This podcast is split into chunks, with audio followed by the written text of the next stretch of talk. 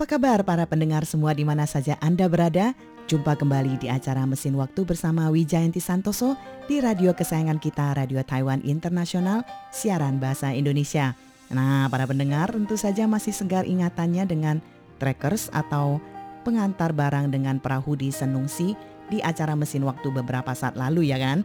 Nah, Senungsi ini terkenal dengan keganasan aliran sungainya. Kali ini Mesin Waktu ingin mengajak teman-teman menelusuri sejarah penting manusia yang melakukan perjalanan jauh sampai membelah dua benua. Apa saja yang terjadi dalam perjalanan ini?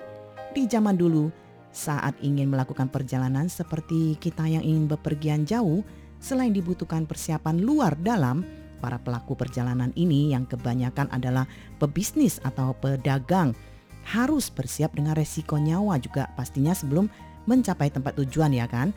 Nah, kalau zaman dulu di manakah arus perjalanan yang paling terkenal teman-teman? Jawabannya adalah Jalan Sutra atau Jalur Sutra yang tidak asing lagi ya dengan istilah ini dan merupakan jalur perdagangan melalui Asia yang menghubungkan antara timur dan barat sepanjang 7000 km membelah benua Asia bermula di sebelah timur dengan Chang'an City di Tiongkok sebagai titik awal. Nah, Chang'an City ini juga pernah menjadi ibu kota Tiongkok ya. Dan benua Eropa termasuk Persia yang sekarang adalah negara Iran dan Timur Tengah serta berakhir di sebelah barat dengan Konstantinopel atau nama ibu kota Roma kuno sebagai titik akhirnya.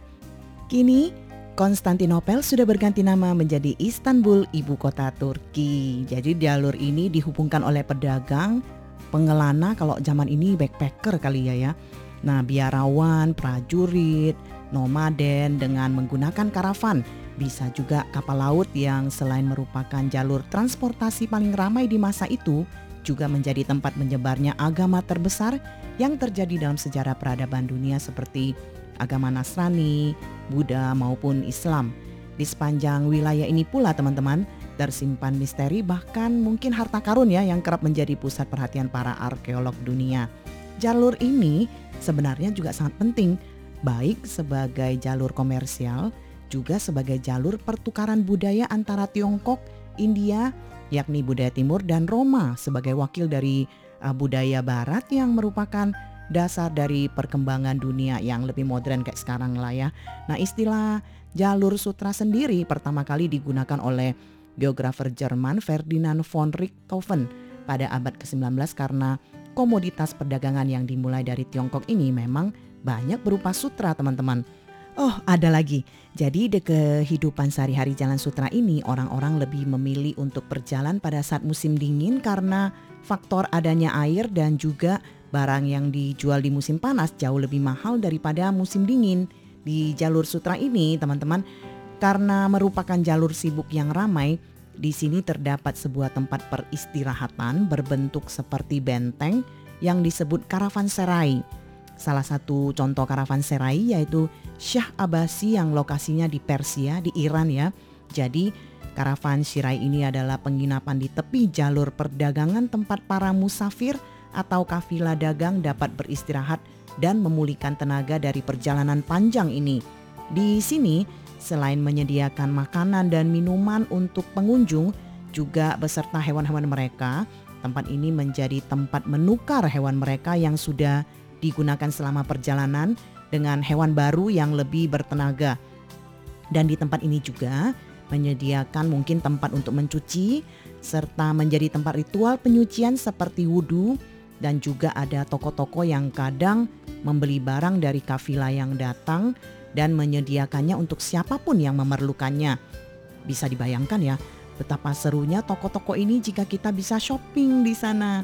Jadi pasti tersedia berbagai barang dari berbagai negara. Nah, saat jalur sutra masih sangat aktif menjadi jalur perdagangan internasional pada masanya, keberadaan karavan serai menjadi sesuatu yang sangat penting sebagai bagian dari kelancaran arus dagang dengan memberikan kenyamanan dan keamanan untuk para kafilah dagang, teman-teman. Satu lagi kejadian saat berpergian, bagaimana jika ada pihak yang meninggal dunia dalam perjalanan yang sejauh ini? Orang-orang yang meninggal di jalur sutra ini akan ditempatkan ke suatu tempat yang bernama pemakaman langit di alam terbuka seperti kebudayaan Tibet teman-teman ya. karena mereka mempercayai bahwa kehidupan manusia selalu berbuat baik hingga akhir hayatnya. Oleh karena itu tubuh mereka dibiarkan di alam terbuka agar dapat dimakan oleh misalnya burung gitu ya. Jadi um, setelah berkenalan dengan jalur sutra yang membelah dua benua ini bisa dibayangkan ada banyak sekali kota yang disinggahi oleh para pedagang dan kafilah.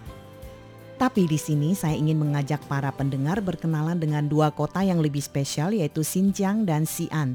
Tapi karena keterbatasan waktu, kita pilih salah satu dulu ya, yakni Xinjiang atau daerah otonomi Uighur Xinjiang yang disebut-sebut sebagai jalur perpotongan jalur sutra yang sangat vital.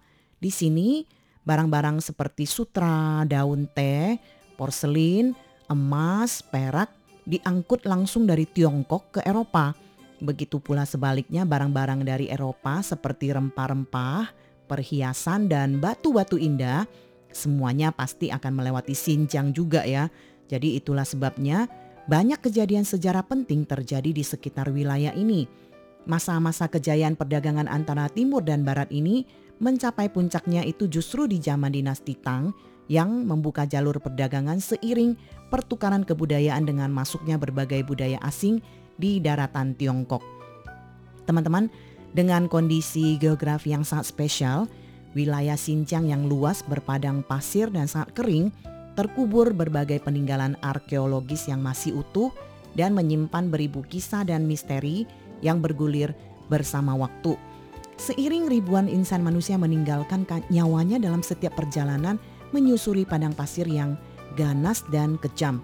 Jadi di wilayah luas padang gurun ini para pendengar ada sebuah kota kuno atau tepatnya kerajaan kuno Lowland yang berjaya pada masa perdagangan jalur sutra yang merupakan ibu kota kerajaan Kroraina yang uh, ditemukan tanpa sengaja oleh arkeolog asal Swedia yang namanya Sven Hedin ya dalam ekspedisinya sekitar tahun 1900-an. Saat bertemu langsung, waktu itu dengan hujan pasir dahsyat disertai angin kencang dan setelah itu semua tiba-tiba berhenti. Jadi sebuah tugu, sebuah tugu tanah yang kuno itu terhampar begitu saja di hadapannya dan setelah penggalian atas daerah sekitarnya terlihatlah tulisan Kroraina akhirnya tulisan ini menjadikan asumsi bahwa dulunya daerah yang hanya tinggal puing dan pohon kering ini merupakan kota seluas 1000 120 eh, ribu lah ya 120 ribu meter persegi yang lenyap tak berbekas selama lebih dari 2000 tahun lalu, terkubur bersama seluruh teka-teki dan misterinya. Berturut-turut pula ditemukan pula berbagai bangunan rumah kuno dari patung Buddha, gudang penyimpanan makanan, makam yang kuno dan sungai yang telah mengering yang semuanya makin memperkuat asumsi bahwa kota makmur yang hilang ini benar-benar pernah menjadi bagian dari dunia dan karena mungkin sumber air yang tidak tersedia lagi atau pertanian yang tersendat, bisa juga pangan yang tidak mencukupi ya, serta mungkin penebangan kayu hutan besar-besaran, akhirnya ekonomi kota Lowland yang sejahtera pun hanya tinggal sejarah. Dan uh, para pendengar, waktu itu ekspedisi ini tidak berhenti begitu saja. Jadi para arkeolog ini masih berusaha keras untuk menemukan jejak-jejak peninggalan lainnya.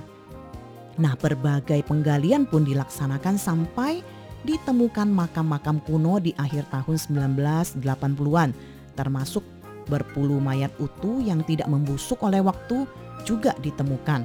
Jadi, ditemukan pula mumi wanita Lowland yang terkenal ini. Nah, sekalian saya ceritakan aja deh ya. Namanya sering disebut The Beauty of Lowland dan dijuluki sebagai mumi tertua yang ditemukan di Asia dan masih dalam kondisi yang sangat utuh ya. Umurnya diperkirakan telah berumur 3.800 tahun waktu ditemukan. Saat ditemukan bersamaan dengannya juga ditemukan berpuluh mumi uh, utuh ya, tapi bayi kecil.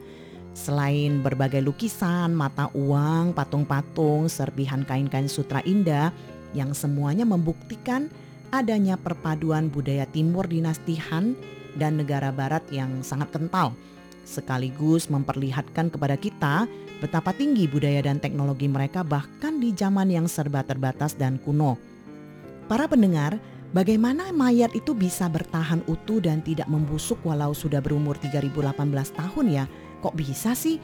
Di bagian uh, awal acara kita sedikit disinggung bahwa keadaan geografis Xinjiang sekitar kota Lowland yang kering dan istimewa ini mungkin menjadi penyebabnya.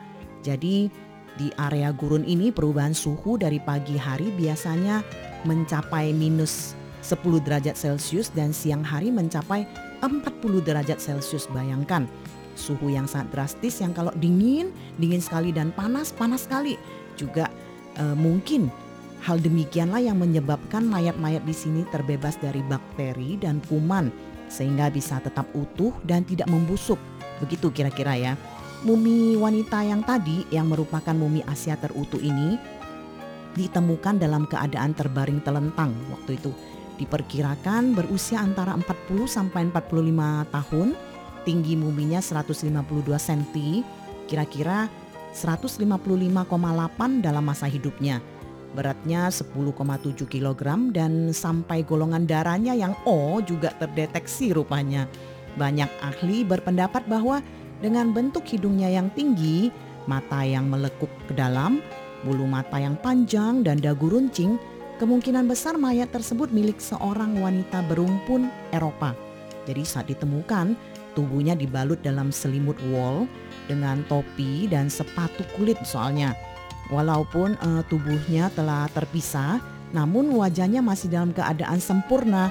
Bahkan rambut sebatas bahunya serta bulu-bulu di badannya masih jelas terlihat.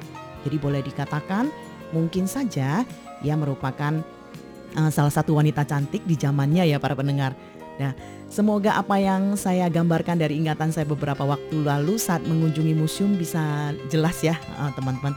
Ya beberapa tahun lalu Mumi Lowland ini pernah dibawa ke kota Taipei soalnya untuk dipamerkan. Jadi hebatnya di zaman itu selain ditemukannya mumi dan bayi mumi, di dalam makam juga ditemukan kue kering dan snack gandum seperti bentuk pangsit yang telah mengering namun masih utuh. Jadi bentuk kue yang kering itu tak berbeda jauh dengan bentuk biskuit zaman modern ini teman-teman. Jadi ini turut membuktikan apa? Sekali lagi betapa tingginya peradaban manusia zaman itu yang telah mengerti bagaimana mengolah dan memasak makanan eh, dengan berbagai variasi. Hebat ya. Sampai sekarang kalau saya masih ingat ya, saya masih terkagum-kagum. Kok bisa sih masih utuh? Mungkin eh, karena faktor cuaca tadi gitu ya. Nah, para pendengar Jalan Sutra yang sangat bersejarah ini oleh UNESCO Badan PBB yang khusus bidang kebudayaan dan pelestarian alam digambarkan sebagai jembatan interaksi antara budaya barat dan timur, yakni jalan yang melambangkan perdamaian dunia. Di zaman kuno nih, mungkin banyak persaudaraan dan persahabatan terjalin kuat akibat perdagangan antar benua sepanjang uh, jalur sutra ini. Di samping permusuhan ya dan saling bunuh juga menghiasi keseharian mereka tentunya. Dan uh, pada tanggal 22 Juni 2014 yang lalu akhirnya UNESCO menetapkan jalur sutra sepanjang 5.000 km dari daratan Tiongkok hingga wilayah Jeju di Asia Tengah sebagai situs warisan dunia. Jadi menurut UNESCO, jaringan jalan yang dibentuk oleh jalur sutra secara keseluruhan ini memiliki panjang hingga 35.000 km dengan beberapa rute telah digunakan selama ribuan tahun lamanya. Wah senang sekali kita kalau menceritakan sejarah ya. Tidak terasa acara kita juga sudah hampir usai teman-teman. Senang sekali saya bisa berbagi cerita dan informasi bersama teman-teman pendengar. Dari studio Radio Taiwan Internasional siaran bahasa Indonesia, saya Wijayanti Santoso mengucapkan terima kasih atas perhatian para pendengar semua. Kita bersua lagi di keseruan selanjutnya. Salam hangat semua. Bye-bye.